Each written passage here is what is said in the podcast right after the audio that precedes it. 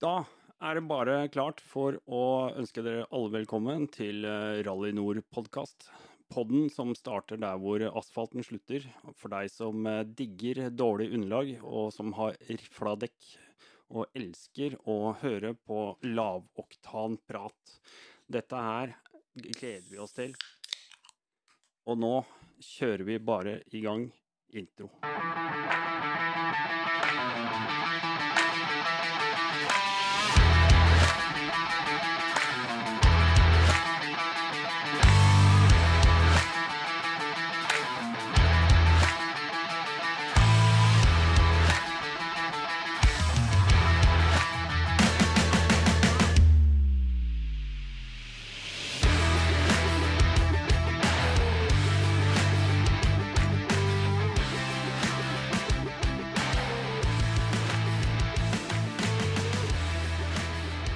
Da er det faktisk med stor glede at eh, jeg skal få lov til å ønske velkommen til eh, dagens gjester. Det er da Thomas Trandåken og Kjetil Torsdalen. Det er eh, ikke dårligere enn TTK Rally vi skal snakke om i dag. Og hallo, gutter. Har dere benka dere klart? Og god kveld til dere. God kveld. God kveld, ja. Her, er, her sitter vi klare. Er det stemning, eller kom, måtte dere rive dere løs fra Grand Prix på NRK? Neppe. Her er ungene i seng og eh, alt klart. eh, Øllen i jekka. ja, det er herlig. Det er herlig. Dere, det er eh, en sann glede å endelig få lov til å invitere dere til en podkast. Dette her har jeg venta på lenge, og vi har snakka om dette her i sikkert i sju-åtte måneder. Uh, og, og det har jo vært en grunn til at det har tatt litt tid, selvfølgelig. Dere vi skal komme nærmere tilbake til akkurat det, men, eh, men eh, nå er dere klappet og klare. Håper dere virkelig eh, kan gønne på litt og gi litt i dag, altså. Ja, det er framme, det. Jeg tror? Hæ? Ja, ja, ja. Jeg tror jo det at de fleste som hører på Rally Nord podkast, de har også hørt om TTK Rally i en eller annen sammenheng. Fordi at eh, vi består jo av et eh, relativt eh, Skal vi si er, Altså, motorsykkelmiljøet er jo stort sånn totalt sett, men det derre lille, trange nåløyet vi driver med, som er liksom motorsykler med knotter på hjula, og det å kjøre roadbook, ikke minst, det er jo ikke sånn kjempeutvikla i Norge totalt sett. Men, men da, da har man jo spesielle ting, da, som f.eks. TTK Rally. Um, Men jeg tenker, skal vi ta en sånn kort introduksjon av hver og en av dere først? Så kan vi bare begynne med Thomas. Ja, OK. Ja, jeg heter Thomas Strandåken. Eh, Jeg er 39 år, i hvert fall en liten stund til. Eh, Jeg er gift med Norelin, og jeg har eh, to eh, barn. Ei jente på tre år og en liten gutt på tre måneder. Oi. Ja. Det kan du si. Ja, Det er veldig hyggelig. ja da. Eh, Bakgrunnen fra teknisk side i Forsvaret. Jobba med luftvernsystemer der, og nå har jeg jobba i Kongsberg Defence and Aerospace siden 2005. Mm. Eh, bor da veldig på Kongsberg, og av hobbyer så er det vel stort sett alpint, uh, skikjøring, motorsykkel og TTK-rally. Mm. Uh, sånn, bortsett ifra familie ellers, da. Ja, ja. uh, Ja. Jeg vet ikke om du vil ha litt av motorsykkel Nei, ja. eh, Det skal, det, skal vi komme, det skal vi komme tilbake til, Thomas. Men da tar vi Ja. en liten sånn kjapp runde innom Kjetil også først.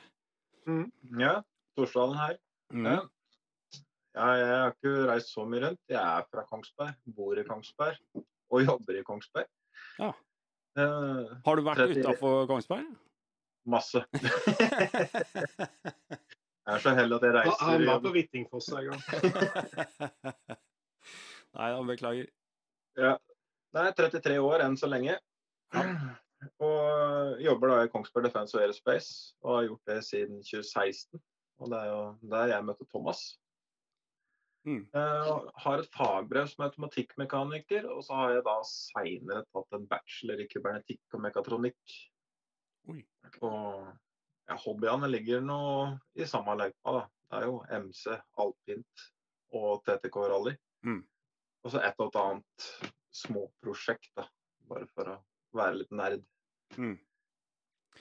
Ja, for da, nå kommer vi egentlig bare inn på det, altså. Vi er fellesnevneren her for eh, oss alle tre. Eh, nå Det er jo motorsykkel. Og mm, da er vi jo selvfølgelig inne på disse her spissfindige interessene, da. Altså man, man blir litt sånn der spissa på ting.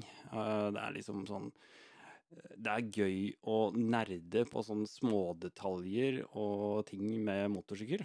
Eh, og der eh, har jo dere klart å finne en god tone, men eh, jeg tenker at dere starta som motorsyklister Eller åssen møttes dere som motorsyklister? Eller møttes dere på jobb og blei motorsyklister, eller åssen har det utvikla seg? Nei, hvordan skal vi gjøre det? det? Altså, for min del så begynte det med at jeg fikk en moped til konfirmasjonen. Mm.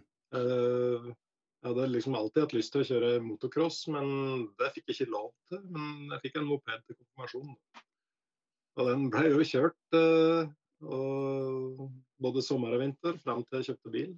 Og det her, det her var jo i fine, hårde dager, helt på å si. Så eh, mopeda var jo beregna til å gå i minst 100 på flatmark. Man låst i trimsett, så var mye gjort?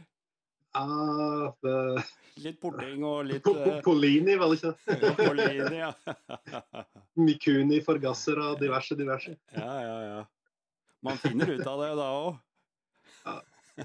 Men eh, det var liksom eh, det der stadige maset om å kjøre cross for min del, men det fikk jeg rett og slett aldri lov til av mamma og pappa. Nei. Så når jeg var ferdig på befalsskolen og begynte å tjene mine egne penger, så kjøpte jeg meg en eh, YZ 125 eh, crosser eh, så fort som mulig. Ja. Og kjørte mye cross i et par år. Men så slutta jeg i Forsvaret, og flytta til Kongsberg. Så da ble det liksom ikke til at jeg kjøpte en ny crosser. Mm. Men etter å ha jobba i tre år, så fant jeg ut at jeg skulle ta motorsykkellappen for å kunne kjøre gatesykkel Mm. i 2008.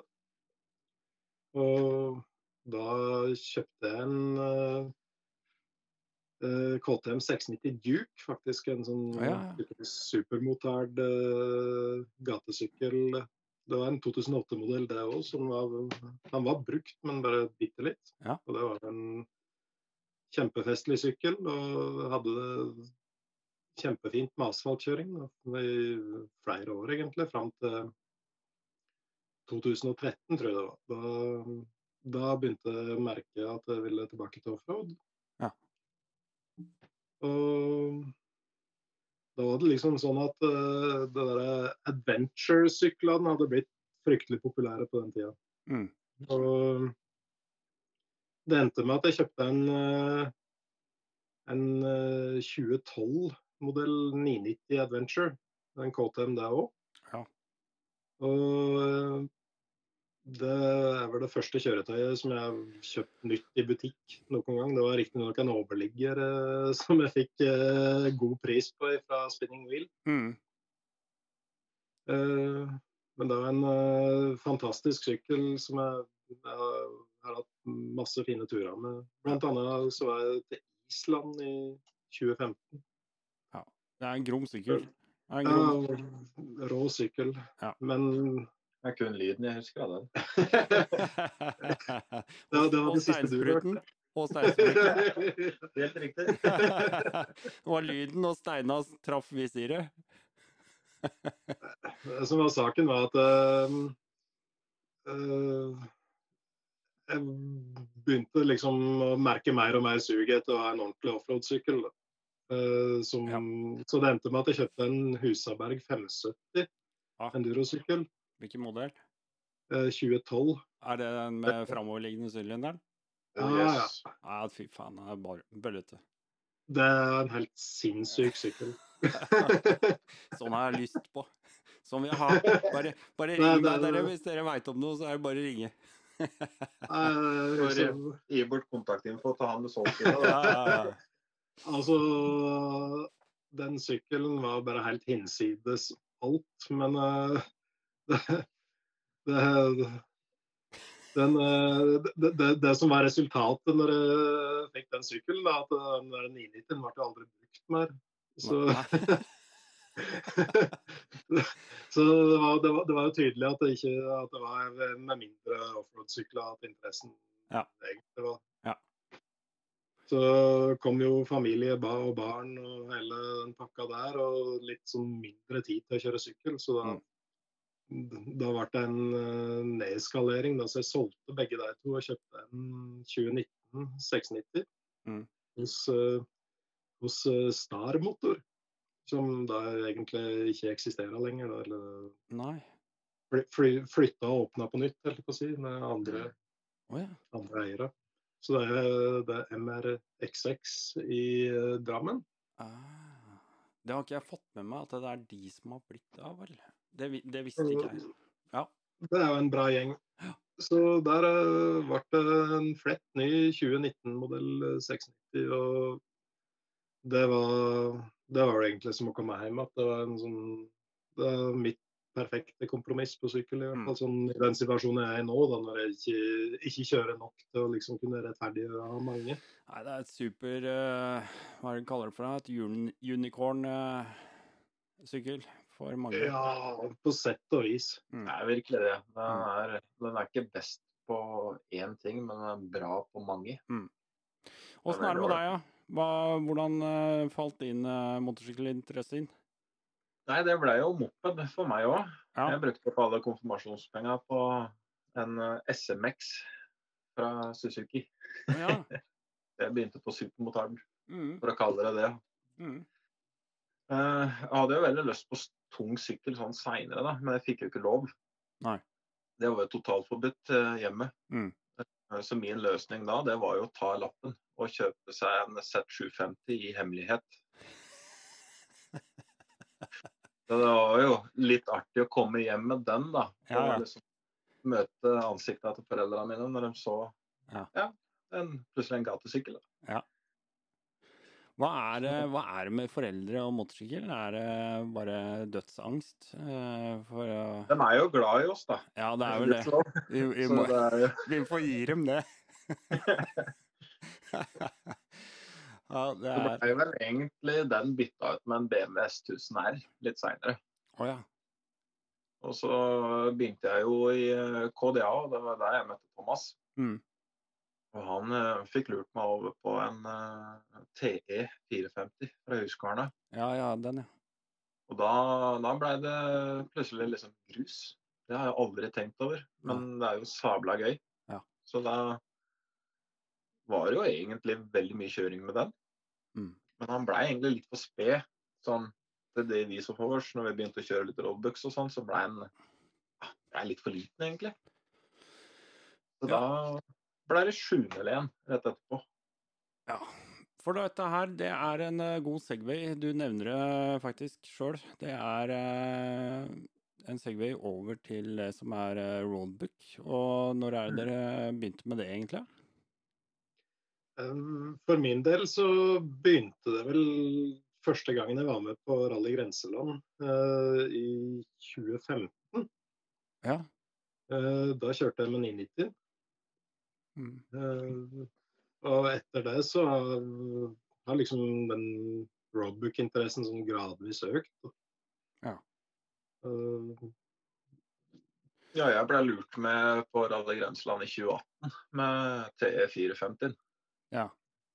Og den eh, var jo for så vidt artig, den, men hadde vel ikke mer enn akkurat faktisk 100 km rekkevidde på den. Nei. Nøyaktig, faktisk. Så det var camelback med bensin og eh, bare krysse fingra på å komme helt gjennom. Ja, Det var det jeg skulle tenkt på denne gangen, men jeg fikk jo da et intensiv til å også oppgradere. da. Man gjør det. Det er utrolig artig hvordan man eh, faller inn i disse sporene etter hvert som man oppdager nye sider av det å kjøre motorsykkel. Mm. Det er det. Og, men uh, ut ifra det så skjønner jeg det sånn at dere fikk teften dere for å kjøre roadbooks og blei litt ivrig opptatt av det her. Og så har jo dere da tydeligvis hver deres ja, sammenfallende bakgrunn. Og skjønner at her må noe gjøres, for dette funker ikke optimalt. Ja, For første roadbooken vi hadde, da kjørte vi med sånn gammel biltema Eh, sånn manuell roadbook. Ja, ja. Du måtte tra fram hånda og så vri den rundt sjøl. Ja. Og jeg måtte jo faktisk eh, pugge hvor mange kilometer jeg hadde kjørt, og fjerne drift på odometeret. Og fjerne det som jeg hadde kjørt gærent. Mm. Så jeg brukte like mye matte som jeg prøvde å holde meg på veien. Ja. Så da var det liksom Du må ha en bedre løsning, rett og slett. Mm. Det, og det eksisterte jo allerede. Altså digitale roadbook-applikasjoner begynte jo å komme. Mm. Og både på IOS og Android så eksisterte det jo flere muligheter for det. Hvilket årstall er vi på nå? Ja, nå er vi 2018-2019. Ja. ja. Mm. Så, så, så alt var liksom på plass. Mm. Og, men så var det hva du skulle gjøre om en skulle bygge en rallysykkel med papiroppsett, eller uh, hva en skulle gjøre, liksom. Men konklusjonen med det hele er at uh, det er ingen som kjører så mye roadbook at, uh, at en helt så for seg å bygge en dedikert rallysykkel. Det er mer, var liksom mer aktuelt å, å bruke et digitalt oppsett. Mm. Og da begynte det å bli litt sånn vanskelig med, med tanke på det å kunne styre det. Ja, for da Altså, jeg husker jo sjøl når jeg uh, endte opp med, eller skulle prøve meg på dette roadbook-greiene, så var det liksom uh, en, en, iPad Mini, og så prøvde jeg dette her med noen sånne derre avklipte headset eh, med pluss-minus-brytere og sånt. Og jeg fikk jo ikke dette til å stemme i det hele tatt. Og egentlig skjønte jeg jo ikke bæret av hva jeg holdt på med, for å være helt mm. ærlig. Jeg visste jo ikke, jeg visste ikke hvordan disse appene fungerte. Jeg visste ikke helt noen ting, egentlig. Så for meg så var det bare litt sånn eh, kjedelig. Ja, vi så jo den derre ja, Vi begynte å snuse på digitalt oppsett, og da så vi den der rallyblitz-løsningen. Mm. Og så gravde jeg meg ganske godt ned i den for å se han, hvordan han hadde løst det. Har du lyst til å forklare hva var det? Nei, Jeg så jo hva slags komponenter han hadde brukt. Og i tillegg så hadde jeg lagt ut uh, koden mm. på hvordan han hadde løst det å scrolle i Rodbook. da. Ja. Så tenkte jeg at dette her klarer jeg jo sjøl å mm. lage. For det du snakker om nå, det er å lage en, en fjernkontroll som, som, virker på telefonen, og som eh, har de kodene som trengs for å kjøre Bluetooth. Eh, er det sånn å forstå? Ja. ja. Så, altså han der Rallyblitz han har jo gjort en ganske jobb, bra jobb med, med sitt oppsett. Mm. Men uh, vi hadde jo veldig lyst på en egen konfigurasjon som passa våres kjørestil. Da. Vi ønska fortsatt å ha adgang til uh, lys og horn og blinklys. Mm. Vi kjører jo like mye på asfalten som uh, på grusen noen ganger. Mm. Så da fant vi ut at vi skulle prøve å lage vår egen løsning. Da, for, ja, som var lettere å bruke med original skal kalle det, cluster, brytercluster. Mm. Ja. Det var vel i vinteren 2019-2020? Ja. ja. Det, det, det, hele begynte med at vi rett og slett eh, det, det, eksisterte ingenting i markedet som vi syntes passa bra. Altså, mm. Eh, den rallyblitz-greia var jo så sin sak, men den, den virka kun for å scrolle i notebook og kalibrere tripptelleren i Altså bare mot IOS? Og, ja, kun mot IOS, fordi at uh, den koda virka ikke mot Android uh, egentlig i det hele tatt. Nei. Så det, var, det ble liksom uh, uh, Målet vårt ble jo liksom å lage lage en ja, Noe som passer for oss. Ja. For oss. det, det, det vi ville ha, da, som ikke eksisterte. Ja. Og det, som Enkelt oppsummert da, så var det en bryter som En fjernkontroll som passa sammen med eh, det originale bryterclusteret på en 690 og 701.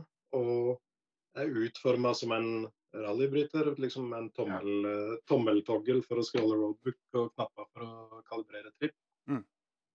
I tillegg så ville vi at den skulle ikke bare kunne operere roadbook-applikasjon, men at den kunne, kunne panne og zoome og gjøre litt i, i Guru Maps, Mm. siden det er den kartapplikasjonen vi bruker mest. Ja, vi liker å utforske distriktet litt, så da hvorfor ikke kunne styre kartet også, liksom?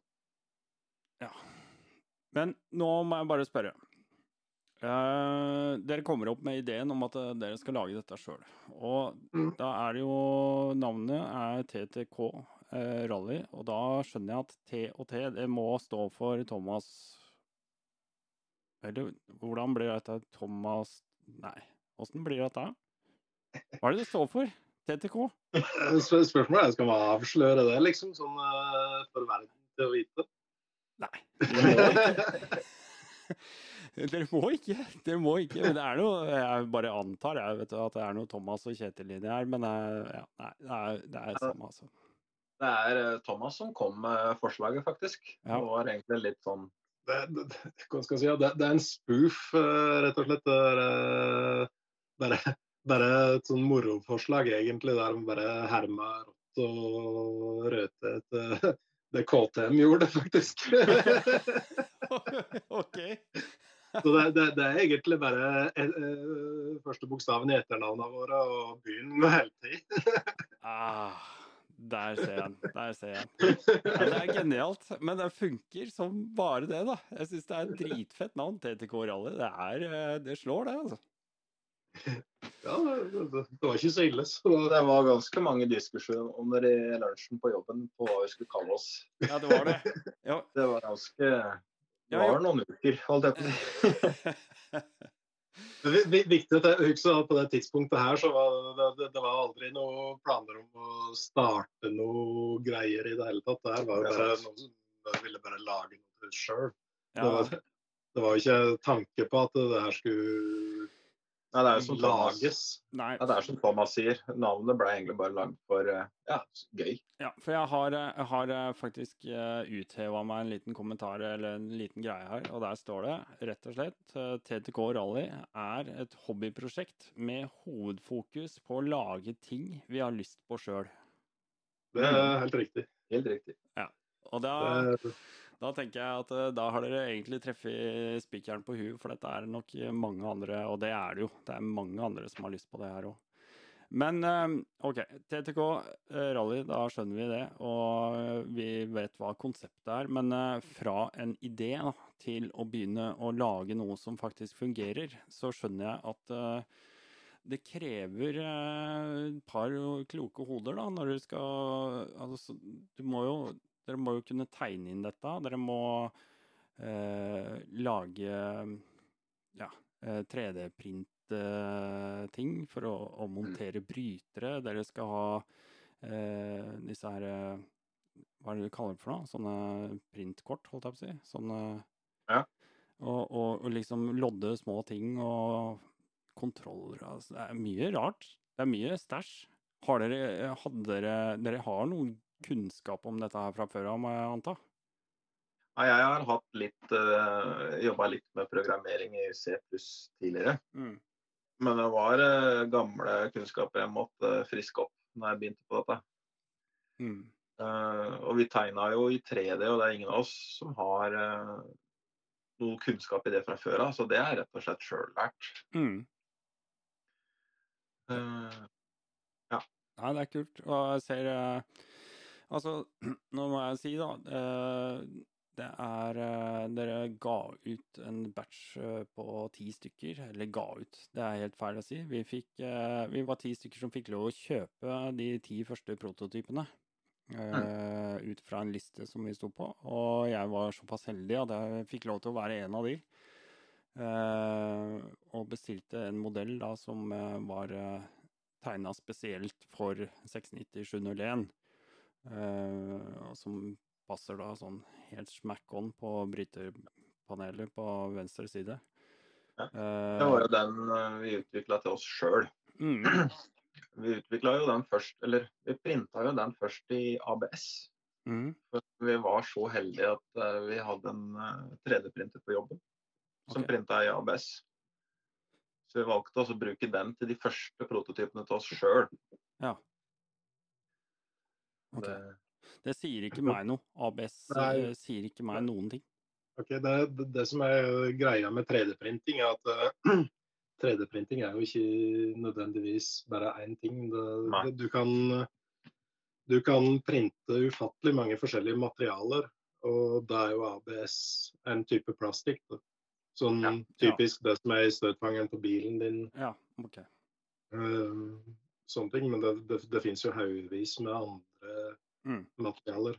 Det, det vanligste å 3D-printe er noe som heter PLA, mm. som er en, et materiale som er veldig, veldig enkelt å printe, men som har skal kalle det, ganske dårlige mekaniske egenskaper. Jeg er ikke veldig glad i vibrasjoner. Nei. Det passer litt dårlig på en endunk. Veldig sprø, veldig, et veldig sprøtt materiale som ikke tåler noe særlig varme, og, og i tillegg degraderer. Bensin tåler det heller ikke. Nei. Men, men uh, det kre hvordan er dette i forhold til det printkortet? Så er det uh, Ja, dere måtte jo ha Når du sier printkort, Nei, jeg, så Jeg vet ikke. Ja, hva snakker jeg om da, holdt jeg på å si? Det er rett og slett et prototypekort. Ja. ja. Et kommersielt prototypekort. Ja, det kontroll, den blåtannenheten ja. du tenker på? Ja. Ja, det er, det er, rett og slett et prototypekort som må kjøpe ferdig, der den kan legge inn sin egen software. Ah. Ja, for det, var... det, er en, det, er en mikrokontroller. Mm. For det er akkurat det den, den, er, den er åpen til å kjøpe for alle. Ja. Og det kan, det kan, alle kjøpe, de må bare lage sin egen software. Mm. Ja, OK. Dette er jo på et sånt uh, nerdenivå at jeg, uh, jeg, er helt ute på blank is. Uh, bare stiller de dummeste spørsmålene for å få de, de smarte svarene. Det er jo det som er litt moro, å ja, ja, ja. grave seg litt ned i ting. Ja, men altså, der er jo jeg helt klart en vinner, for jeg legger jo hodet på blokka hver gang jeg skal prate med folk. Så, så, sånn er det jo bare. Uh, jeg har jo hørt noen episoder på podkasten din i det siste for å forberede litt. Uh, ja. Og jeg må jo si Jeg syns jo du har en enorm progresjon, Dennis. Tusen hjertelig takk. Det skal jeg ta til meg. Eh, det, det, skal, det, skal, få lov til å bygge en, en gammel manns selv, selvbilde. Ja. Men, men, over, men, over, til litt sånn eh, fortsettelse på den der opprinnelseshistoria, helt på å si. Da. Så, ja. så, så, var det Det eksisterte jo egentlig ikke noe, noe idé om at det her skulle selges eller noe sånt. Men, I 2020 Mm. mm. Så møtte vi opp på Rally Grenseland igjen med, med den der eh, prototypen vår. I ABS. I ABS, som, ja. som, var, som, var, operativ og fungerte. Og vi kjørte hele Rally Grenseland med den. Og mm. uh, for deg som ikke er kjent med arrangementet, så er det jo han, uh, han Trygve Otto Skar. Mm. Han, han, kjenner du sikkert. Ja, jeg har ikke rukket å prate med han ennå. Nei, riktig. Nei, han er jo en i, ordentlig ildsjel og organisator. Han, ja. han syr jo sammen det her arrangementet og er uh, Han har virkelig sansen for litt sånne lange etapper som klarer å tappe kreften til, ja, ja, til de aller fleste. Ja. han, er, er en uh, likende kar, og han, han, virkelig står på for at det er miljøet skal vokse. Ja. Eller Roadbook-miljøet. Ja. Så jeg syns han eh, fortjener en eh, liten eh, mention her, i og med at Rally Grenseland har vært så sentralt for, for oss. Mm. Det er jo pga. det arrangementet der at vi egentlig har jobba med denne kontrollen. Ja, for det mm. var i, 20, i, 2020, og da var det bare så enorm interesse når folk begynte å se at vi hadde en fjernkontroll. Mm. på styret. Mm. Så når vi var ferdig der oppe, så hadde den, ja, mange som hadde vært og sett på og prøvd. Og Ole Christian Gundersen fra Backcountry MC, en annen ildsjel oppi der, han, mm. han eh, var jo kjempepositiv til hele greia. Så Ole Bertil har jo kjørt de fleste versjonene òg, tenker jeg. eh, Ole Bertil, han, eh, han kan vi jo nevne, men han har, eh, han har eh, flere fjernkontroller fra oss. Ja, ja. Så, Ja. Men eh, det, altså Folk var veldig, veldig, veldig positive til, til fjernkontrollen. Og det, det var sånn det egentlig begynte. da. Mm. At de fant ut at eh, kanskje vi skal ta og prøve å lage et eller annet som ikke, ikke bare er til oss sjøl, men at vi kan, kan kanskje prøve å begynne litt sånn smått og se om vi kan levere til litt flere som er i miljøet. Mm. Ja, og ut ifra det, altså vi Da har jo dere Dere har jo landa på Nå skal vi først ta litt sånn hvordan dette er bygd opp, da. For du har um, uh, Dette består jo på en måte av to uh, hoveddeler, skal vi kalle det. Mm. Det er riktig. Skal vi ta litt hvordan hele den der pakka er sydd sammen, hva de består av, og hvordan eh, det er kobla til strømkilder og sånne ting? Nei, du har jo den selve kontrolleren da, med det kortet som holder softwaren. Mm. Det jo, den ble jo covra av USB. Det var egentlig eh, det letteste for oss Mm. for å få det til, til å fungere. Mm. Uh, og så lagde vi da sjølve den kalles switch assembly, da, eller den brytermodulen, da, Mm. i forskjellige konfigurasjoner, alt ettersom hva slags opp, ja, hva den skal brukes til. Mm. De to kan jo blandes. Ja, så det Kjetil mener nå, er at sånn, eh, på det tidspunktet nå, så er det jo flere, flere forskjellige brytere eh, som er lagd, men alle bruker den samme, samme Broughton-kontrolleren. Så, Det det, så det som er, er at denne er, eh, denne er drevet av en USB, en vanlig eh, USB-kontakt, som de fleste sykler har i dag, eller har mulighet til i hvert fall eh, få strøm Ettermontert? Så eh, gir den strøm til selve kontrolleren. Og den kan du da med en del konfigurasjoner velge mellom enten IOS eller Android-system. Mm. Og så eh, er denne videre kobla med en eh, connector til, eh, til selve switch-kontrollen som du har på styret. Og den kommer i flere varianter, og dere har begynt å lande ut noen varianter nå, eh, har jeg fått med meg, som vi skal komme litt tilbake til. Eh, sånn at her kan det, alle kan jo da velge hvilken device de vil ha, enten om det er IOS eller Android-produkt. Og veldig mange bruker da, om ikke en telefon, så kan de bruke et, eh, en iPad eller eh, en vanlig pad som er Android. Og En Samsung Active Tab har jo blitt en slager i miljøet, ja. vil jeg si. ja. Det er jo et veldig godt, veldig godt alternativ. Mm, Nei, jeg bruker den veldig mye. mm. Jeg og du, Dennis, har vel eh, akkurat samme Kina-telefon, har vi ikke det? Jo, vi har en Men, sånn Black, Blackview 6100 eller noe sånt. Ja, en svær eh, klump. Svær, diger telefon. Jeg tror det er 6,7 tommer skjerm. Det er vel den største telefonen du kan oppdrive. Ja, det var, jeg, jeg kjøpte den fordi den hadde en stor skjerm. Ja. Og var røgga og vanntett. Den er, den er vanntett, og den tåler litt. Og hvis den ikke tåler det, så er det ikke noe eh, krise. Nei, den, den, den var ikke dur. Nei, nei, det var akkurat det. Det er helt supert. Ja. Hvordan eh, Jeg har jo sett det, at dere, dere i forbindelse med, med, med den Samsung Active-taben, så ser jeg også at dere har jo printa noen eh, holdere og litt sånn forskjellig. Er det noe dere tenker å utvikle mer òg, eller? Tilbehørsutstyr? Vi har vel egentlig hatt det litt i tankene. Mm. Eh, holderen er jo typisk eh, en sånn TTK-greie. da. Mm. Vi fant ikke et godt nok alternativ, så da lagde vi det sjøl. Ja, ikke sant? I, I god ånd. I god ånd. Mm. Så, um, vi solgte vel et par uh, sånne holder her for Mm. også å la folk prøve litt. Mm. For å se om vi uh, kunne stole på det litt? Det, det, det, er ikke helt riktig. Det, det, det var én holder, og, og mente med å gi den bort fordi at din, din sprakk uh, for alle grenseland. så da hadde vi ikke hjerte til å ta penger for. Så, så, det gjenstår å se litt på det der, men, men jeg, jeg, tror det var en fluk uh, greie, egentlig. Men, ja. Nei, det, er det med 3D-printing. Det kan være litt tricky. Uh, jeg printa jo de holderne i noe som heter PTG. Mm -hmm. Typisk det samme som brusflasker er laga. Okay. Ja. Men jeg printa jo mine i oransje, bare for å flashe litt, siden jeg da har bytta til en KTM. Ja. Men de vi ga bort, var i svart ja. PTG. Og der er det tydeligvis forskjell i styrker. Okay.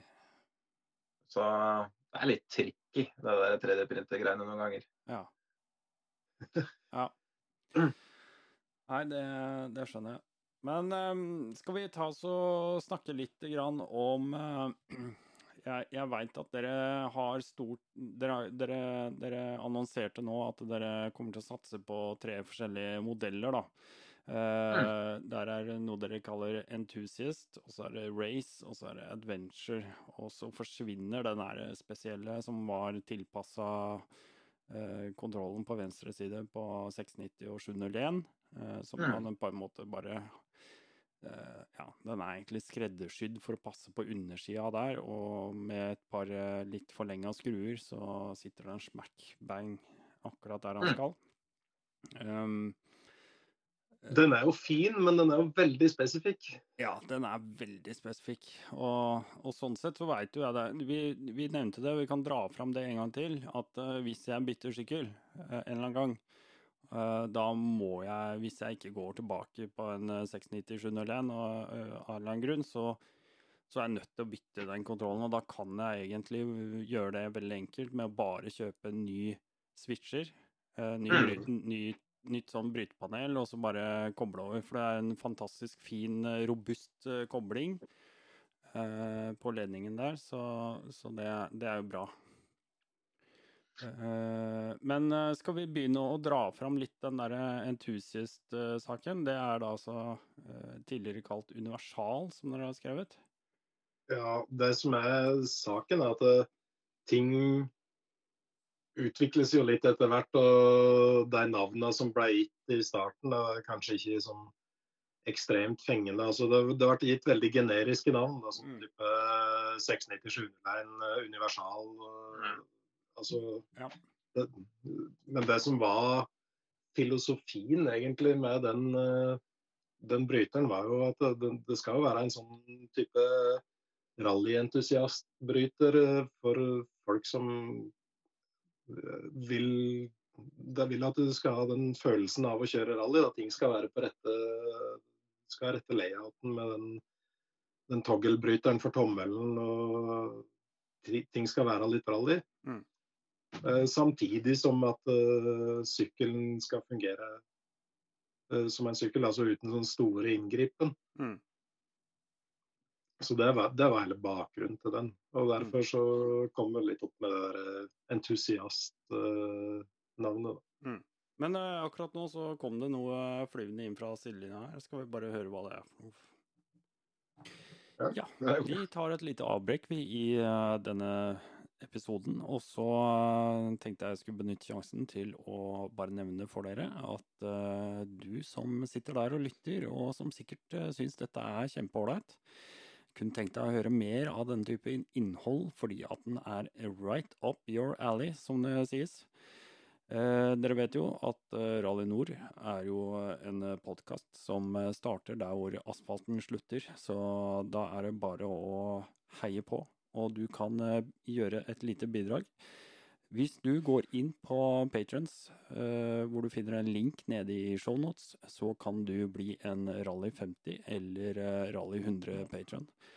Det gir deg faktisk uh, noen muligheter, bortsett fra å bare være superkul. Du er da med å bidra til eh, at dette flyter videre. Men du får også tilgang til en helt egen podkast som heter Rally Nord Patrons Pod. Og der får du disse uncut cut-versjonene. Altså dette er Da snakker vi om versjoner som er uten reklame og uten uh, musikk og visvas, og kanskje du får litt sånn uh, før- og etterprat også. Um, du får i tillegg til det, så får du tilgang på en uh, Discord-kanal.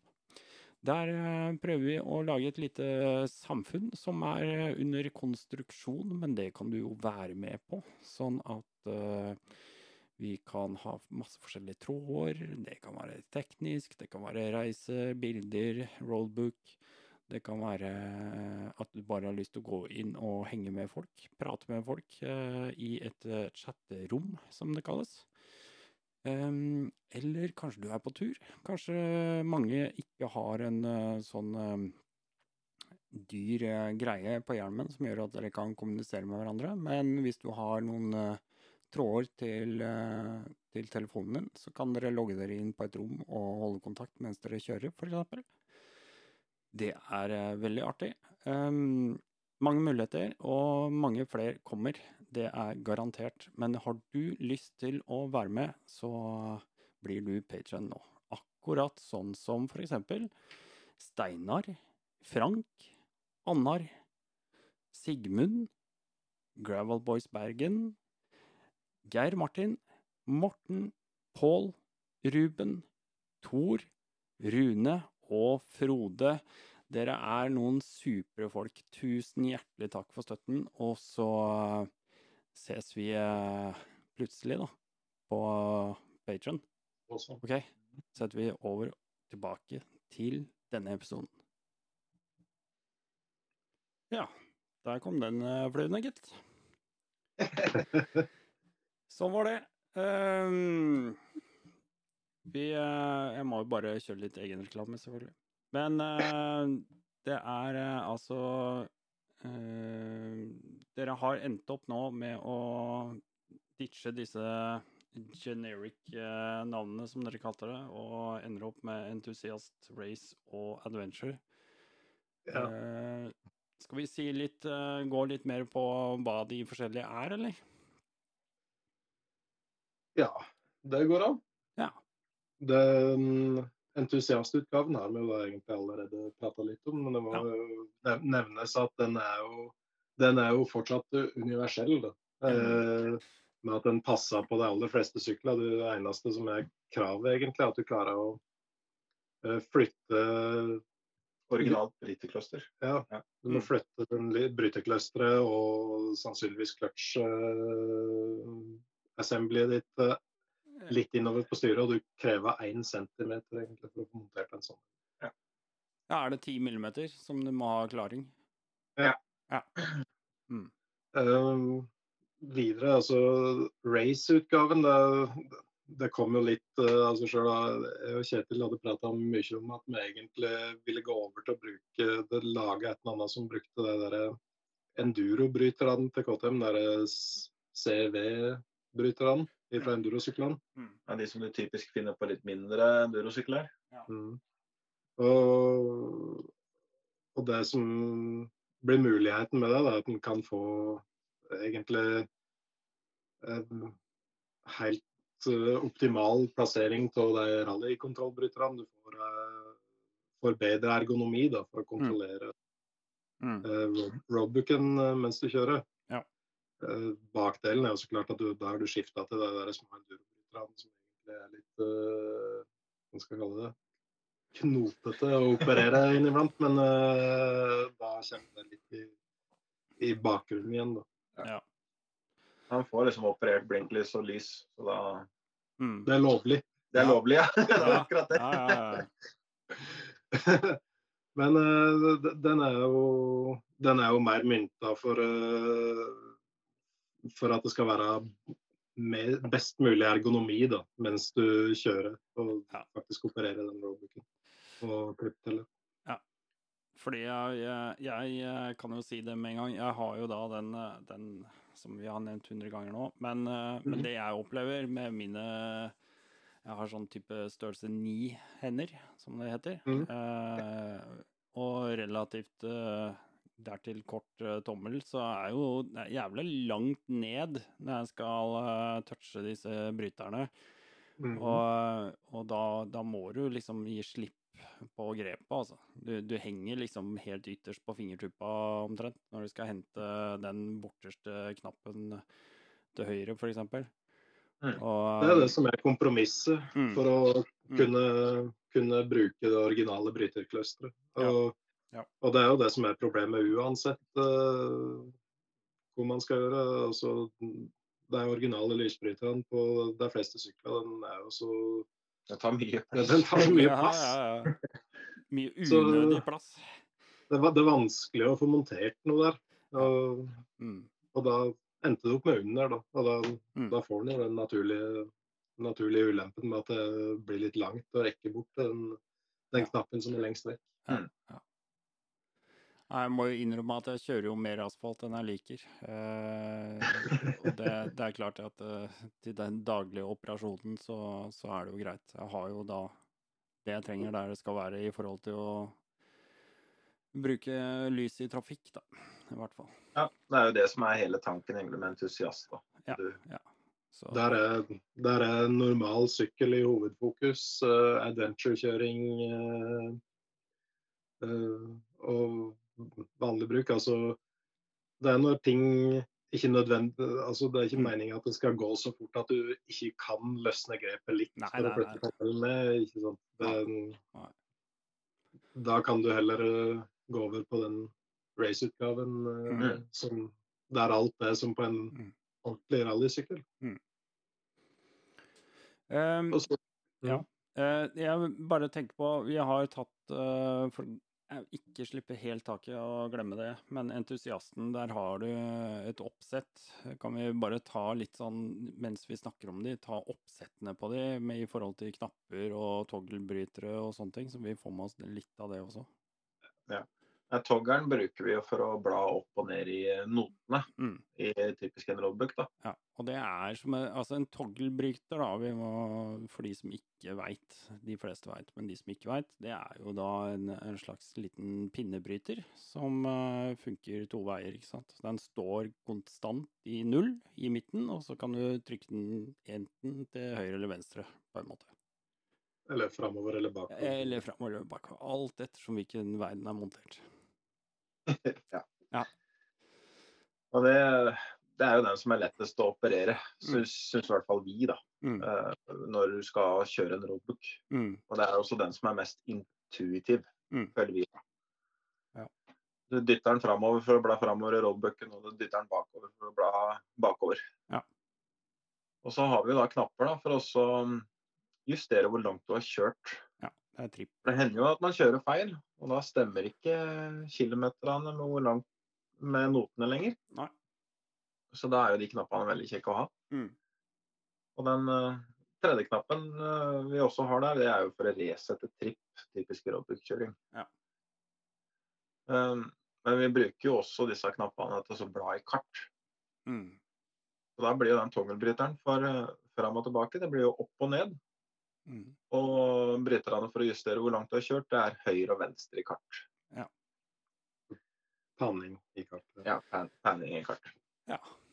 Og så er det zoom, den eh, nederste, som er enten å trykke én eller to ganger. Hold, ja, holde inne den, så zoomer du og når du Slipper den, så skifter du retning. Ja. mm. Ja. Nei, Det funker veldig fint når du først begynner å få henge på det. Altså. Jeg syns det er veldig ålreit. Det eneste jeg har gjort noen ganger, det er eh, når jeg skal nulle tripp, så har jeg trykka uh, eh, enten om det er pluss eller minus på antall timetere på totalen. Ja, ja. Så jeg driver og justerer totalen uh, istedenfor å nulle en tripp, og da blir da, må jeg, da må jeg prøve å huske hvor mange ganger trykka jeg du, har rett og slett trykt på feil knapp? Riktig, rett og slett, for tommelen mangla de der siste ti millimeterne, ikke sant? Ja. ja, sånt skjer. Ja, det skjer. Det skjer. Da må du bare finne Da, da må du bare ha øya litt opp for ja. neste note. Ja, det er akkurat det. Jeg, jeg, har lært. Jeg har lært. Jeg har lært. Det funker. Nei da.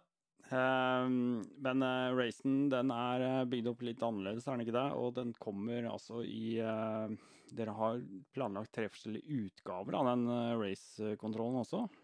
Ja. Ja, der kan du velge om du vil ha plass til to CV-brytere, altså både lysbryter eh, og blinklysbryter. Ja. Eller så kan du få den som ikke har blinklysbryter, altså kun lysbryter. Ja. Eller en helt plain som kun har, eh, kun har roadbook-kontroll. Riktig. Riktig. Eh, Så den, den er jo den er jo veldig enkel. Da. Ja. Men Knappene for sjølve roadbooken er de samme. og funksjonen mot, eh, mot nettbrett eller telefon er akkurat den samme Ja. for alle. Mm. Altså, du kan gjøre akkurat det samme med alle kontrollerne. Det er bare fysisk eh, layout og utseende og, og ergonomi som er forskjellig. Åssen er det med det? Eh, Jeg husker ikke bildet av den, men er det, har den en toggle også har den tre knapper? Er det det? Ja, Ja. da. Ja. Den er det. Akkurat som en rallykontroller, men der sitter de tre knappene sentrert på styret, og Ja, ja. togglebryteren er også nærmere styret. Riktig. Ja, Vi var jo så heldige at vi fikk sett på en Factory KTM rallybryter. Ah, Så vi tok eh, den til inspirasjon når vi Mm. skulle lage layouten på race. mm. Stilig. Ja, den, og den ser tøff ut òg, det er det verste. Den ser skikkelig kul ut. Altså, det gjør alle, da. Det er ikke det jeg mener. ikke det, altså. Men med de Nei. bryterne, de derre CV CV-bryterne, så ser den liksom Det ser liksom så innmari race ut òg. Det er kult. Jo, takk, takk. Ja, ja, men han gjør det, altså. Og så er det en siste utgave, da, som dere har kalt uh, Adventure. mm. Det var jo Vi fikk jo en del tilbakemeldinger fra noen andre på Rally Grensland som egentlig ikke var så veldig interessert i Kall det rally-layout, da. Eller altså med toggle. De ville heller ha mulighet bare for oss å trykke litt på knappen en gang iblant. For kanskje ja, bla litt i et kart. Mm. Eller ta roadbooken i et bedagelig tempo, da. Mm. Og kunne fint flytte hånda for oss å bla. Ja. Og da ble det egentlig adventure, Mm. rett og slett. Hvordan ser den ut?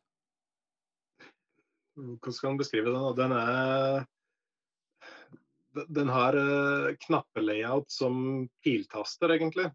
Ja. Så du har eh, fire knapper som er lagt opp som piltast, opp og ned og høyre og venstre. Og så litt på skrå under eh, så sitter den siste, ja. siste knappen som eh, blir brukt til zoom og tape reset. Så, og den kan fås i både høyre og venstre utgave, da, ettersom hvilken side av styret du har lyst til. å ha. Akkurat. For det finnes jo faktisk de som har kontrolleren vår på begge sider. For å Ah. styre to forskjellige enheter. er det Skal vi name-droppe de, eller? Den? Den, Den, ja. Den ene. Det, det, det, er en, det er en entusiast oppe i, oppe i Gudbrandsdalen, jeg på å si, Lillehammer. Eh, Det, det er vel ingen hemmelighet. Det Det er Ole Bertil eh, Reistad. Han, han er jo en sånn superentusiast, og han kjører jo enormt mye sykkel. Ja. Så han kjøpte fjernkontroll i første prototypeserien, og i andre serien med lagde, så kjøpte han 3 til. Så han Men men takka jo for tilliten. Han har jo bare, han har jo bare gått all in, og det er jo kjempemoro. Nå Jeg tror den er har eh, langt over 10 000 km i året Ja. med fjernkontrollen. ja, det er bare helt enormt. Det er utrolig kult. Det er så gøy, og, jeg fikk jo gleden av å prate med han og eh, Jon Øyvind her i forrige episode. og ja, Fantastiske karer, altså. Utrolig Mm. kult. Jeg så jo en episode jeg hadde akkurat kommet, men det? er ikke rekt å høre. Jo da, han eh, blei lagt ut ble lagt ut på torsdag. Ja. For de som ikke er patrients. oh, snap. Riktig. Så nei da. Mine patrients får selvfølgelig alle episodene med en gang. Helt rått og ufiltrert. Sånn er det. Ja, men, Men, eh, men, men, men, for oss som liker den der reklamen i midten. Skal vi ta den en gang til, eller? Nei. Nei da, jeg bare tuller.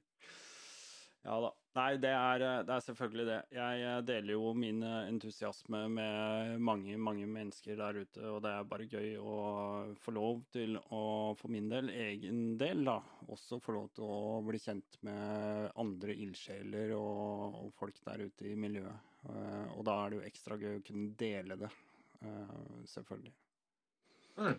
Så, jeg syns det er kjempemoro at, eh, at, det er noen som uh, går så langt som det. Og, og en podkast eh, for, for, det lille miljøet som vi har i Norge. Det er jo steintøft gjort. Det er det. Ja, men det er jo akkurat som med dere, da. Eh, ikke sant? Det er jo steintøft gjort av dere å starte med akkurat det dere gjør også. Eh, og, og, det er jo det jeg gjerne vil bringe til torgs. Eh, det er jo alle ildsjelene vi har i det lille miljøet vi driver i. Sånn liksom Ole Kristian med backcountry MC, som jeg hadde mm. her i en av de tidligere episodene mine, som uh, kan prate på inn- og utpust, ikke sant. Og skal jo prate med han igjen snart, uh, har jeg tenkt. For, for, å høre litt mer hva han driver med nå i vinterstida. Jeg veit han har noen andre ting som vi ikke har prata om tidligere. og sånn som dere og, og andre nisje...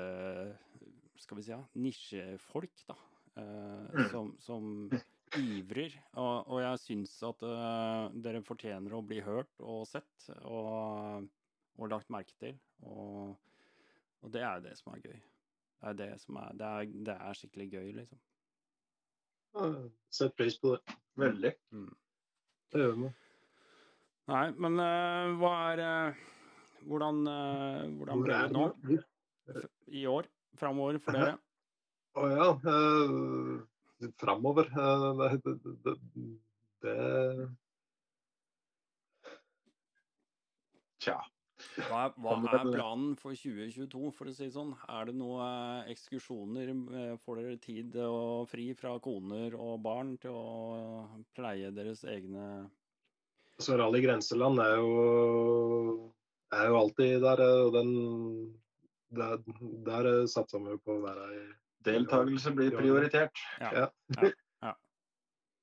Uh, for det, det, er jo der det, det, er jo der liksom alt har uh, havna, helt på å si. Altså den med det med videreutvikling uh, fra våre egne prototyper, da, til vi skulle få, få ut et produkt, så var det jo var det jo Rally Grenseland vi satsa på mm. å levere ting til. Mm. Så, Ole Kristian, som du nevner, han var jo han var den første som uh, mottok en prototype. Mm. Uh, en veldig tidlig prototype. Ja. Han er jo veldig ivrig her. Ja. Uh, det, nei, det, Rally Grenseland er blitt et sånn naturlig naturlige ting. Naturlig mål, i og med at det handler om roadbook-kjøring. Jeg har vært litt uh, treig, så min, min, tanke er i hvert fall at uh, Rally Grenseland i år, så uh, Jeg har jo glemt det. Faen. Jeg skulle ha ringt og booka meg. Jeg tenkte jeg skulle booke meg en sånn liten hytte, sånn at jeg kan ha min egen lille alkove hvor jeg kan invitere folk inn og prate og, og lage podkast samtidig som vi har det gøy. Så, så, det blir veldig interessant. da tenkte jeg. Det er jo lurt. Ja, tror jeg er lurt. Hvis ikke så skal jeg vel kunne få låne et eller annet sted jeg kan sitte med folk. Men uh, tar i felt. ja, ja da, og det går helt fint det også. Selvfølgelig gjør det det. Uh, men åssen uh, er det? Blir, bortsett fra Rally Grenseland, så er det noen nye konsepter eller noe type videreutvikling eller noe sånt som kommer, eller? Noe dere kan røpe, eller noe dere har lyst til å gjøre? Er det noen sånne drømmer som ikke er noe mål enda, men som kanskje er bare sånn Ja, Vi ønsker å få spikra ferdig eh, de tre modellene vi har. Mm. Men uh, vi, vi, har jo, eller jeg i hvert fall, mangler en uh, Hva skal vi kalle det? Et tårn, eller en måte å montere den tabletten på uh, i en litt sånn, kall det mer profesjonell utførelse. Ja. Så det er en sånn der drøm som driver og suser litt i bakhuet. Så mm. kanskje det blir noe av det etter hvert. Tenk på montering på styret, da. Med noen armer eller, og en sånn fuglepinne eller noe sånt? Ja, jeg liker fortsatt uh, å ha det, så, ha det som den enkleste løsningen, da, Mm. tårn. Mm. Men kanskje prøve å få det i en litt mer uh, strømlinjeforma utgave, da. Ja. For nå er det jo egentlig bare den fuglepinna en aluminiumsplate som jeg har satt den tabletten fast i. Mm. Eh, kanskje vi skal lage noe av Kydex eller noe av karbon, eller ja, vi får se. Ja, det er kult. Altså, jeg er veldig spent på å se om dere kommer opp med noe nytt. Um, Mm. jeg har Det gjør prøvd. Så fokus er jo som alltid å la lage noe man har lyst på sjøl. altså, det, er, det er jo det som er problemet med hele det her. eh, Vi sitter med fulltidsjobber begge to og har egentlig nok å gjøre på fritida, helt på å si. Men eh, problemet vårt her er å klare å ha en output på ting, eh, altså produsere, rett og slett. mm. Eh, vi reiser, eller jeg reiser i hvert fall veldig mye i jobben. Mm. Og kan risikere å tilbringe flere måneder utafor Norge. Og såpass, ja. Og det kan bli litt tricky med, med steady output, for å si det sånn, av eh, produkter. Mm. Noen ganger. Noen ganger. Derfor så har, det, derfor så har uh, egentlig helt ifra starten det her uh, det- har uh, blitt definert som et hobbyprosjekt, i hvert fall inntil videre og i overskuelig framtid. og Vi, har liksom ikke mulighet til å kommersialisere eh, på noen vis. Det, det blir for ressurskrevende. Mm. Så, eh, så som du vet, sjøl du som eh, eh, Hva skal du kalle det? Hva liker du å kalle det? Er du blogger eller in influenser? Det, det, det, er ingen, det er ingen som har fått noe gratis ifra oss. Det har liksom vært, vært en greie fra starten at man kan ikke, man kan ikke drive og drive ting i minus, fordi at man har ingenting i utgangspunktet. Mm. Så for at det skal kunne fungere i det hele tatt, så er vi er vi nødt til å ha betalt for, Mm. for alt. Ja, Ja. Ja, Og da har vi klart å holde vi har klart å holde oss i bitte lite i materielt, etterpå å si, og Ja. klart, klart å skaffe det vi trenger. Altså, vi har en 3D-printer og, og det som trengs. Men, eh, men eh, arbeidstimer og utviklingstimer og sånt, det, det kan jo være så langt. Ja, nei, jeg ser jo Jeg ser akkurat det samme. Jeg har jo Herregud, jeg satt, begynt der å sette opp budsjett, jeg også. Det skulle jeg jo nesten aldri gjort, ikke sant. For det blir jo helt eh, Ja, det blir jo helt tullete. Du skjønner jo at men, eh, men som sagt, da, dere kan jo i hvert fall eh, ta dere betalt for eh, disse uansett om det er prototyper eller om dere begynner å produsere i litt større batcher. Hvordan, hvordan tenker dere nå framover? Dere kommer til å legge ut noe for salg. Jeg skjønte de første greiene ble vel en sånn listesak, hvor man kunne sette seg på Mm. liste. og eh, jeg tror kanskje jeg vant litt på at jeg prøvde å produsere noe enkelt eh, En enkel presentasjon av produktet da, eh, og legge ut på YouTube. Eh, men hvordan blir det nå i år, da? Kan, kan jeg si litt om det? Altså, nå har vi noen enheter som ikke har så langt at det er ferdig, så de, de vil jo gå ut til folk som allerede står på en liste. Men Mm, er- er litt sånn i tvil om, om hvordan vi skal fortsette med det her. Om, om, om det er en venteliste som er, er måten å gjøre det på, eller om det rett og slett er å produsere opp litt og selge det som er produsert. Det er litt, litt, litt usikker. For det er litt sånn Det er litt sånn jobb å hvordan skal jeg si, administrere Ja. forespørslene. ja. ja, det er klart, det. Men, men det, det er litt uklart foreløpig. Mm. Men målet vårt er jo helt klart å prøve å finne en måte der vi klarer å øke produksjonstakten litt, grann, da, sånn Mm. at vi kunne, kunne prøvd å dekke litt mer etterspørsel. Mm. Det er jo, det er jo en etterspørsel i, i markedet, og vi er jo interessert i å, å få ut flere enheter. Men det er klart, det, altså, vi sier jo det er en prototype, men det er jo det begynner å bli ganske gjennomtesta. Ja. Og, og poenget med det er jo at man kan liksom ikke uh, si at uh, det er en Altså det er ikke kommersielt fordi at uh, bruker, bruker komponenter som allerede eksisterer, som prototypekort som fra tredjepartsleverandører. Skulle det vært et kommersielt produkt, så måtte vi jo Ja. fått Lagd vårt eget. Ja, Utvikla eget. Ja.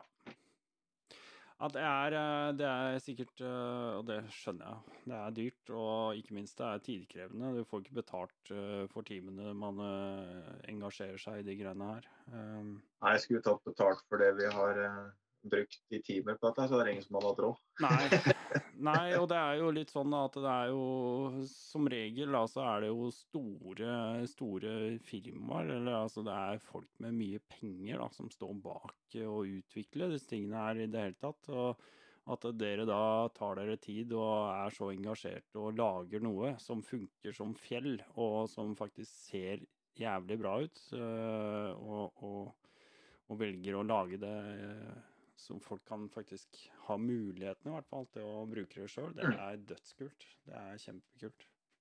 Så 3D-printer gir sånne Uante muligheter. uante muligheter. og det, det, det er det som er så kult. At man kan, eh, man kan gjøre ting som egentlig ikke var mulig for eh, det er ikke så mange år siden. Mm. Og, og man står liksom fritt til å lage sånne ting da hjemme. Og Mm. til og med bruke ganske hva skal si, eksklusive materialer. Mm. Det, de fjernkontrollene vi har levert så langt, altså mest av, da, Mm. sånn som den du har, er jo lagd i eh, karbonfiberforsterka nylon. Ja. Og det er jo et ekstremt solid materiale. Det, Jeg kommer til å bøye På et ekstremt vanskelig, på et ekstremt vanskelig materiale. ja, det, det er ikke lett å printe med. Nei, altså der tar jeg jo kanskje ikke helt feil hvis jeg sier at uh, dere har måttet restarte et par ganger. Ja. Ja. Det gikk eh, mye tid til utvikling. altså Fra vi hadde de der enkle prototypene våre i 2020 eh, og fram til vi hadde et eller annet som vi følte at det var at, at, At vi kunne levere med sjøltillit. ja, kunne levere med sjøltillit. At det, det her skal tåle litt juling og det skal være bra, liksom. Det, det skulle jo tross alt ta betalt for det. Ja, ja. ja. Så, Og ikke minst eh, se folka i øya neste år. Ja, Akkurat det. Neste Rally Grenseland. Ja. Heldigvis da, så har vi jo en, har jo en ved sida av det her som er ganske god til å, til, til, til å krasjteste ting. Ja, åssen åssen gikk det med deg? Du, jeg veit jo det. Jeg var jo på Rally Grenseland i fjor, jeg også. Og jeg hørte jo det når jeg kom hjem, at eh, du hadde vært eh, Ja. Det, det var ikke helt pent. Hva, hva skjedde for noe? Nei, det var rett og slett en heftig high side Mm. i litt uh, grei fart. Mm. Uh, og jeg slo vel huet ganske godt ned i landa, Mm. så jeg var jo ikke helt til stede. Mm. Noe som da egentlig resulterte at jeg blei plukka opp av luftambulansen. Ja. Men uh, til syvende og sist så var jeg egentlig bare skikkelig skambankt etter den turen. Mm. Det er ingen, eh, ingen alvorlige skader i det hele tatt. Det var kun, kun blåmerker og en stiv nakke. Ja. Ikke noe rupturer og ikke noe brudd og sånne ting. Ingenting. Men de eh, fant et tegn til noen brutne ribbein fra Rally Grenseland året før. Målet til Kjetil i 2022 er å faktisk fullføre et rally grenseland. Å, fy faen.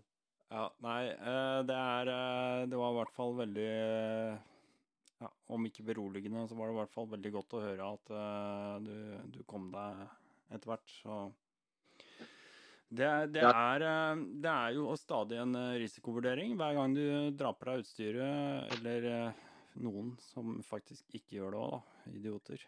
Men um, hver gang man setter seg på, så er, så er det en risikovurdering. Og ja. Nei, altså, mitt beste tips akkurat der, det er jo kjør etter humør, form og vær. Ja. Rett og slett. Mm. Det, er du sliten, tar deg pause.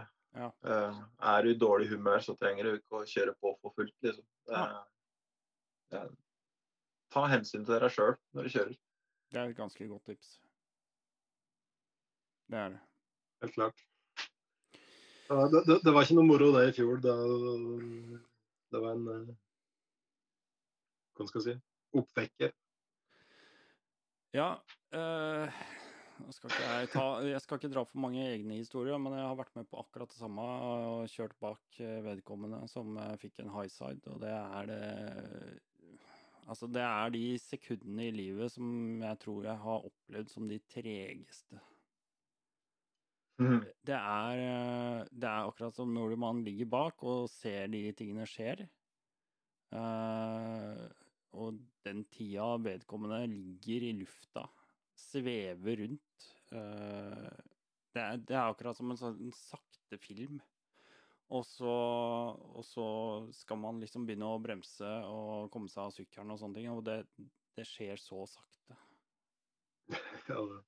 Ja, men det Det er, helt, det er helt rart. Det er helt rart, altså. Nå, var det, nå kjørte jeg fremst, og jeg, jeg, fikk med, jeg fikk med meg alt gjennom intercomen. Så Å, det var litt sånn sært uh, Ja. Mest en sånn derre Å, faen! så, eller et, Han sa et eller annet, og så var det bare noe smell og noe Mm. skrap, og så ble det bare stille. Du Så jeg skjø- skjø- skjønte jo at det var en trenings uh, som hadde skjedd. Men Ja. Fikk jo snudd fort da, og Mm. kom tilbake. Men eh, nei. Jeg vet ikke om vi noen gang blir eh, nok forberedt på sånne eh, situasjoner. Det, er- det er litt kjipt å si, men, men det, det, det kan skje. Det er jo en del av gamet med å kjøre motorsykkel. Det er det. Det er det. Det er en risiko. Men Vi er ganske utsatt. Jeg fikk i hvert fall skryt av eh, holdt jeg på å si, ambulansepersonellet på beskyttelse. Så Ja, det, det kan jeg ta til meg. ja det er kult. Nei, jeg tenkte jeg skulle ta og gjøre en sånn derre Jeg skal ta så gje- gjenbruke noen av de jeg har hatt med i, i podkasten tidligere. Så jeg tenkte jeg skulle snakke litt med Jonas Drott igjen eh, når jeg får tid til det, og så se. For jeg veit at han utvikler Uh, Han utvikler et sånt eh, medic-kit til å, Ja. å ha på låret. Uh, som, som jeg tror jeg skal enkelt kunne anbefale alle motorsyklister eh, å bruke. Uansett. mm. Egentlig uansett hvor du er. Altså. Om du er bare en sånn asfalttraver, eller om du liker eh, det glatte underlag, så, så tror jeg du skal anbefale det.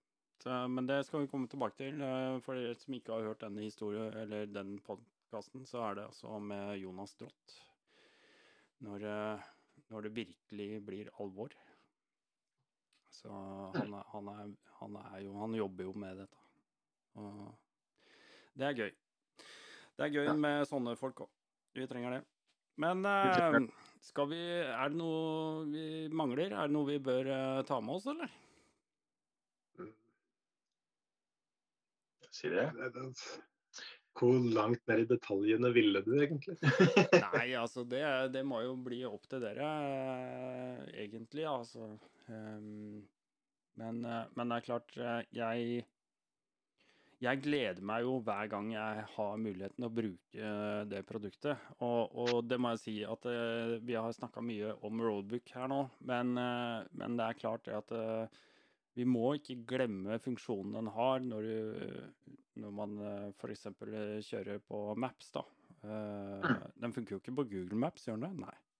Nei, det er ingenting som funker på Google Maps. Nei, det er akkurat det.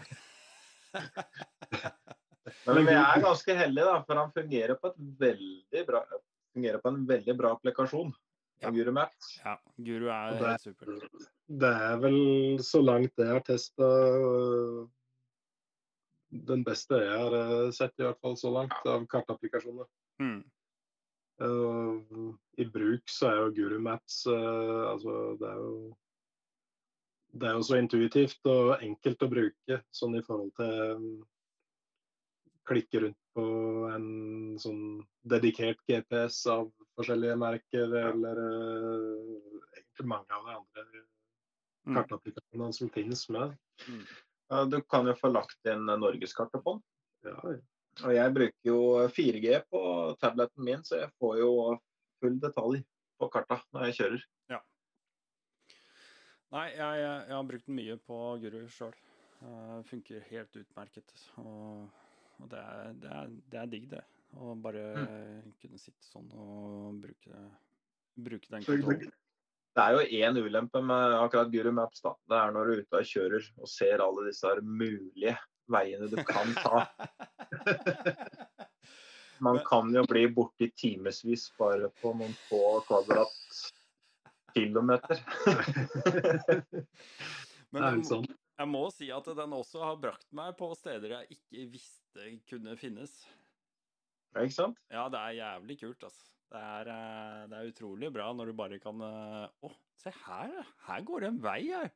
Neimen, her, ja. Altså- her, ja. Jeg bruker jo Guru Maps sånn like mye som Roadbook. Det, jeg syns det er veldig moro å forville seg rundt i ja, utafor distriktet en er kjent i, da. Og bare utforske. Mm. Ja, og hvis du, hvis du eh, gidder også å sette på record i tillegg, da, så får du plutselig, hvis du har klart å kjøre en skikkelig lang og kul vei, så kan du jo faktisk eh, importere den GPX-filen etterpå, og så kan du lage en egen roadbook. Ja, ja. Det er Så helt kan sant. du bruke kontrollen igjen. Nettopp. Det er ganske kjekt. Ja. Altså, det, har vi faktisk glemt å si litt om. Da, sånn der, eh, altså designfilosofien bak, Ja. bak eh, produktet. Og det er jo eh, Vi har sagt en del, men eh, alle er jo klar over at det eksisterer jo andre produsenter til fjernkontroller som har litt andre hva skal jeg si, fokusområder. Mm. Ja. Eh, der eh, der eh, mye funksjonalitet er prioritert. Da, Mm. Men det vi ville oppnå med vår, var jo å gi akkurat den funksjonaliteten som du faktisk eh, kan er normalt sett har ønske om å bruke. Altså, og ingenting mer. Mm. Vi ønsker ikke å drive og ringe menn og bla i Spotify og Nei. alt mulig sånt. Det, så det, det er kun enkel funksjonalitet. Altså pan og zoom i kart og operere eh, roadbook og trip. Mm. Og det, det er det. Mm. Og det, var liksom grunntanken bak det hele. Og vi var, vi var vel flere ganger ned i noe sånn der eh, kaninhull eh, som, som så ut til å ikke ta noen ende. Og det, er så, det er så lett å å hva det kalles, scope creep. Scope creep, ja. Den er farlig.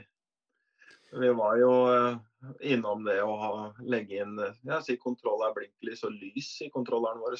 Med sjølkansellerende blinklys og litt sånn forskjellig. Aha. Uh, men uh, Heldigvis eh, så, Gikk ikke den veien? så der, fikk meg en sånn der liten eh, snap out of it.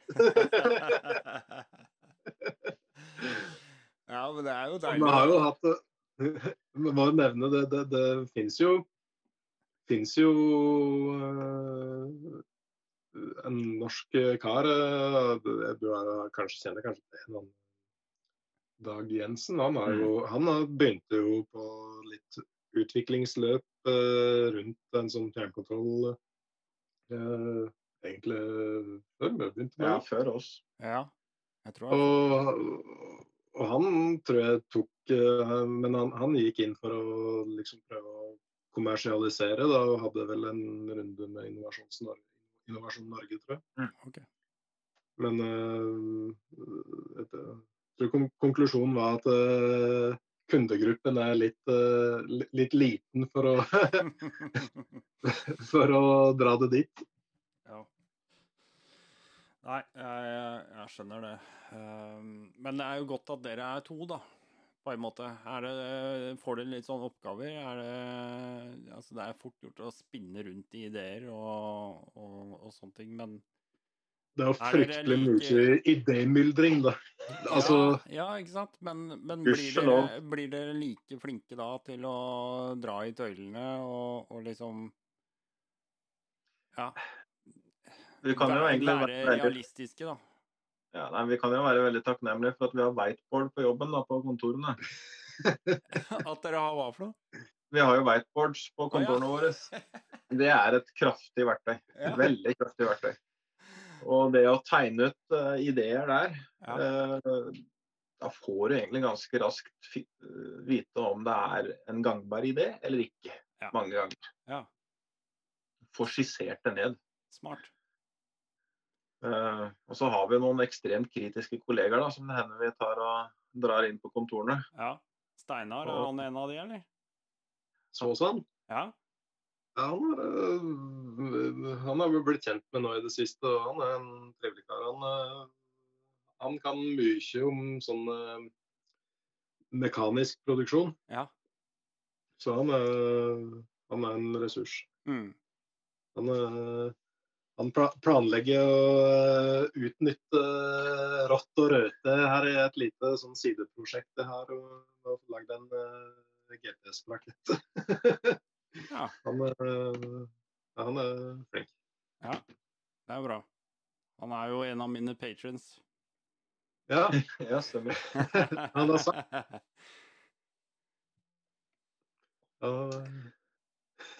Nei, vi har jo, hva skal vi si, arbeidsplassen vår er jo full av nerder. Ja. Så det er jo ganske mange der som ikke er interessert i motorsykkel i det hele tatt. Men de har jo vært villige til å prøve å sette seg inn i ideene våre og komme med kritikk. Og det Mm. har noen ganger, eller mange ganger faktisk vært veldig kjekt. Ja.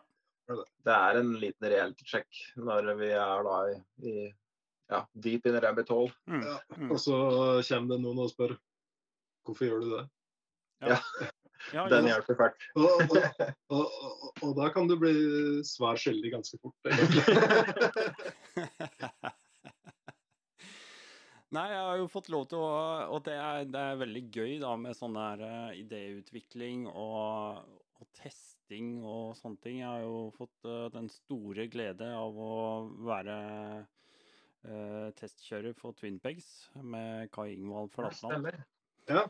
Og dere to er jo absolutt uh, et par kandidater som jeg forventer å se med Twinpegs uh, neste gang. Uh, så Og det produktet er jo ikke bare skapt av han, det er en idé som han har.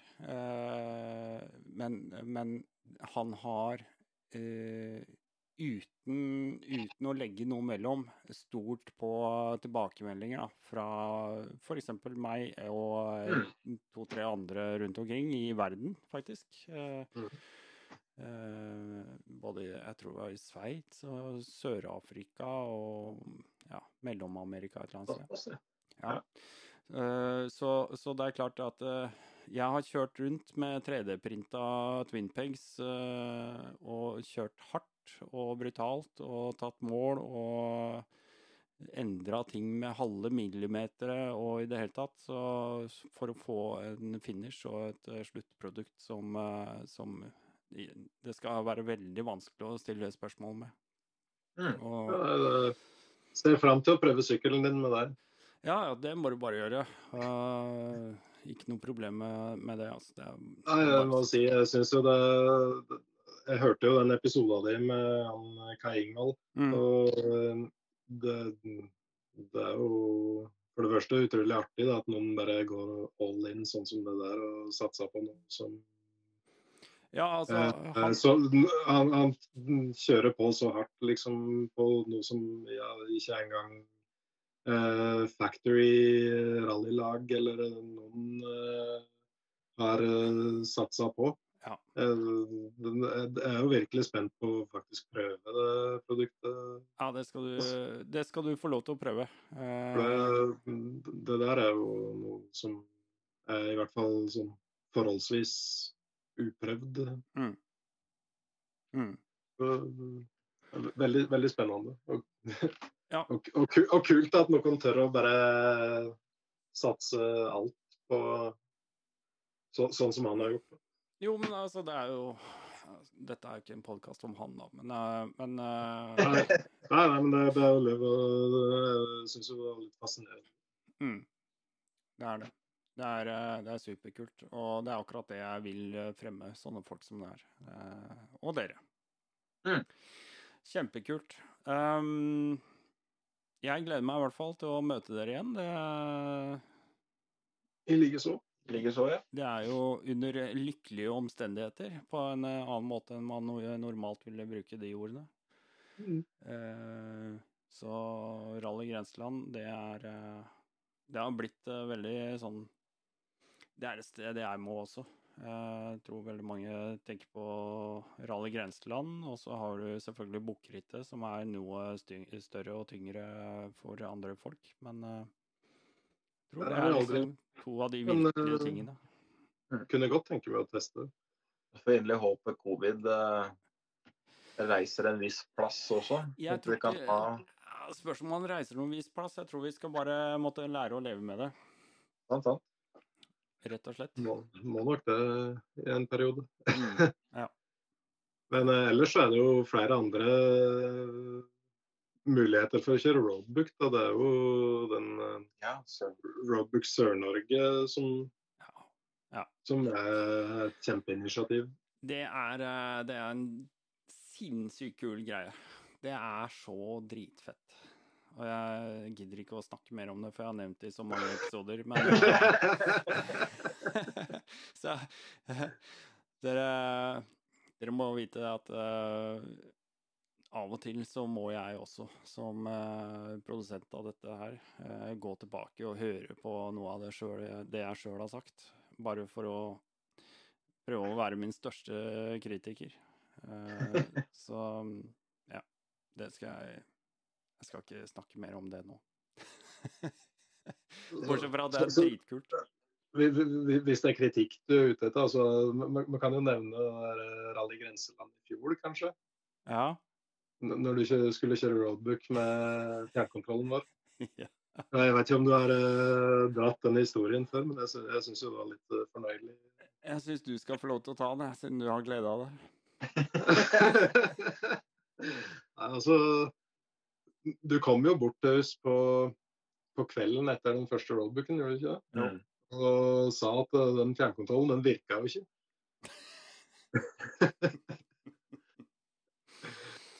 Ja. Jeg. Eh, jeg vet ikke hvor lang det skal være, men det, var, vel en, det, det, det hadde jo vært en fordel å konfigurere knappene i, i Pista Roadbook ja. Først, ja. Og der, eh, der har jo meg i et nøtteskall. Der legger jeg jo bare huet på blokka igjen, da. Heldigvis så hadde jeg et par innabords, så jeg takla det ganske fint. Eh, men, eh, men det er klart det at eh, du skal konfigurere disse appene du bruker og, til å ta imot signaler fra rallykontrolleren. Ting er jo app-avhengig, så man må jo Ja, se hva som er nødvendig for den applikasjonen Ja. Så jeg visste jo ikke det. Så den første dagen så kjørte jeg bare med en eh, rallykontroller som jeg trodde ikke virka i det hele tatt. Og kjørte den manuelle metoden med å scrolle med fingeren og nulle ut med å trykke på knapper. Så det, det var jævlig Det var innmari stilig. Jeg må, jeg må jo si jeg føler litt med det. At, du, du, du var sikkert ikke sånn spesielt imponert over, uh, over fjernkontrollen akkurat da. Nei, det var ikke det at jeg ikke var imponert over fjernkontrollen. For at det, det, det kunne ikke være sånn at det ikke virka heller.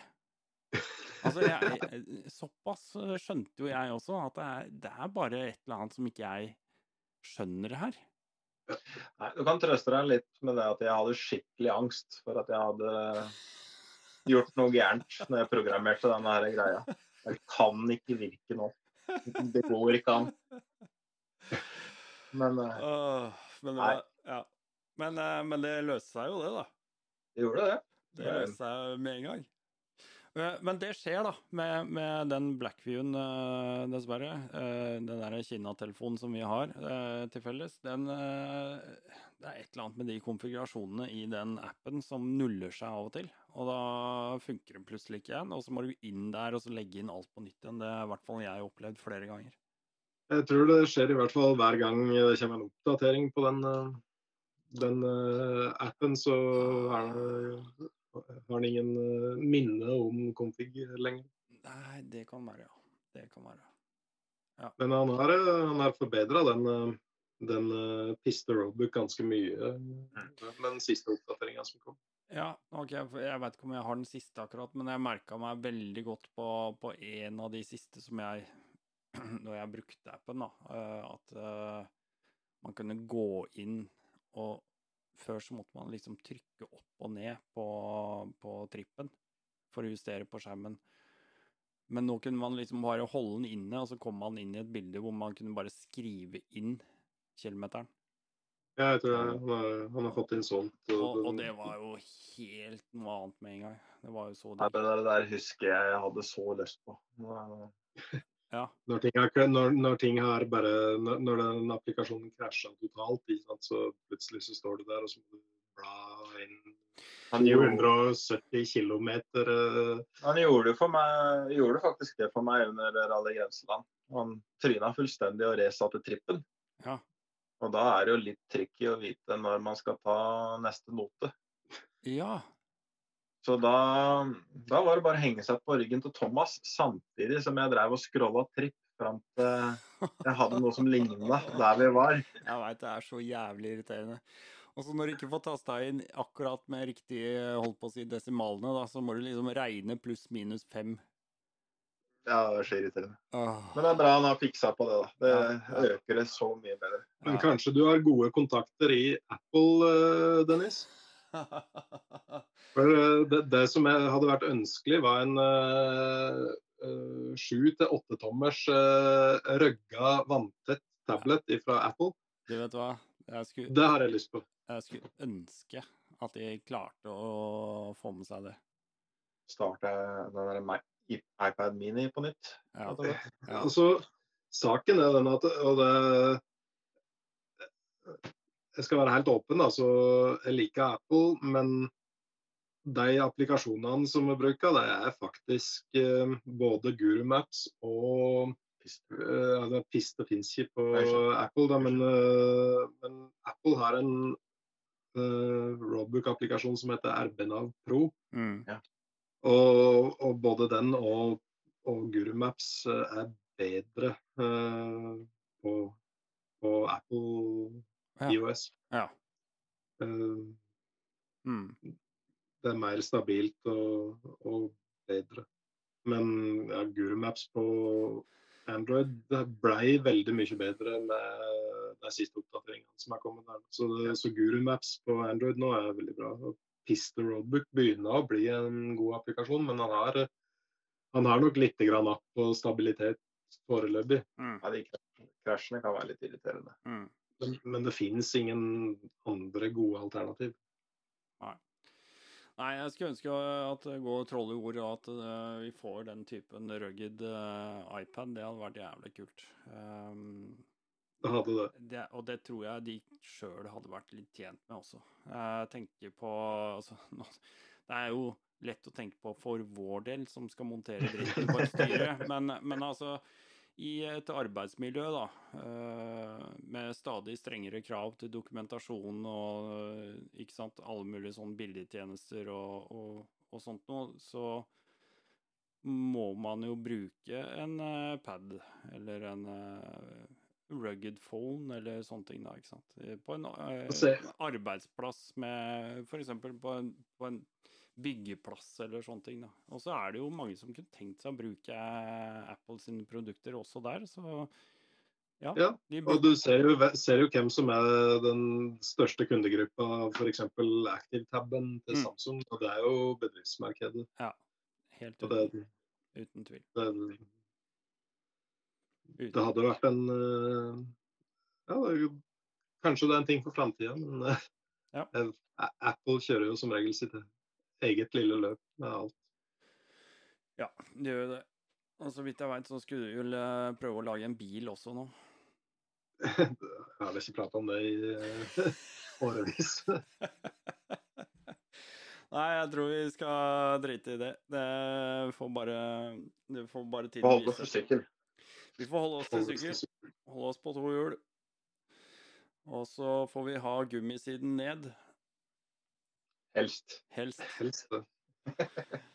Jeg tror eh, vi skal bare fortsette eh, praten eh, litt grann til, men eh, sånn i det store og det hele så tror jeg vi skal runde av her nå. Mm. Da har vi jo faktisk eh, fått inn en time og 35 minutter allerede. Yes. Så da tror jeg vi bare tar og runder av med den, og så gleder jeg meg skikkelig til å se dere på nyåret og når våren kommer. Det samme. Det samme. I likeså. Da sier jeg foreløpig bare sjalabais ja, til dere to. Og da heter det Hva Hva heter det? heter det? Sjalabais heter det da. Sjalabais. Ja. du, du, du, du skal få den. Det, det, det, det gjorde litt vondt å si.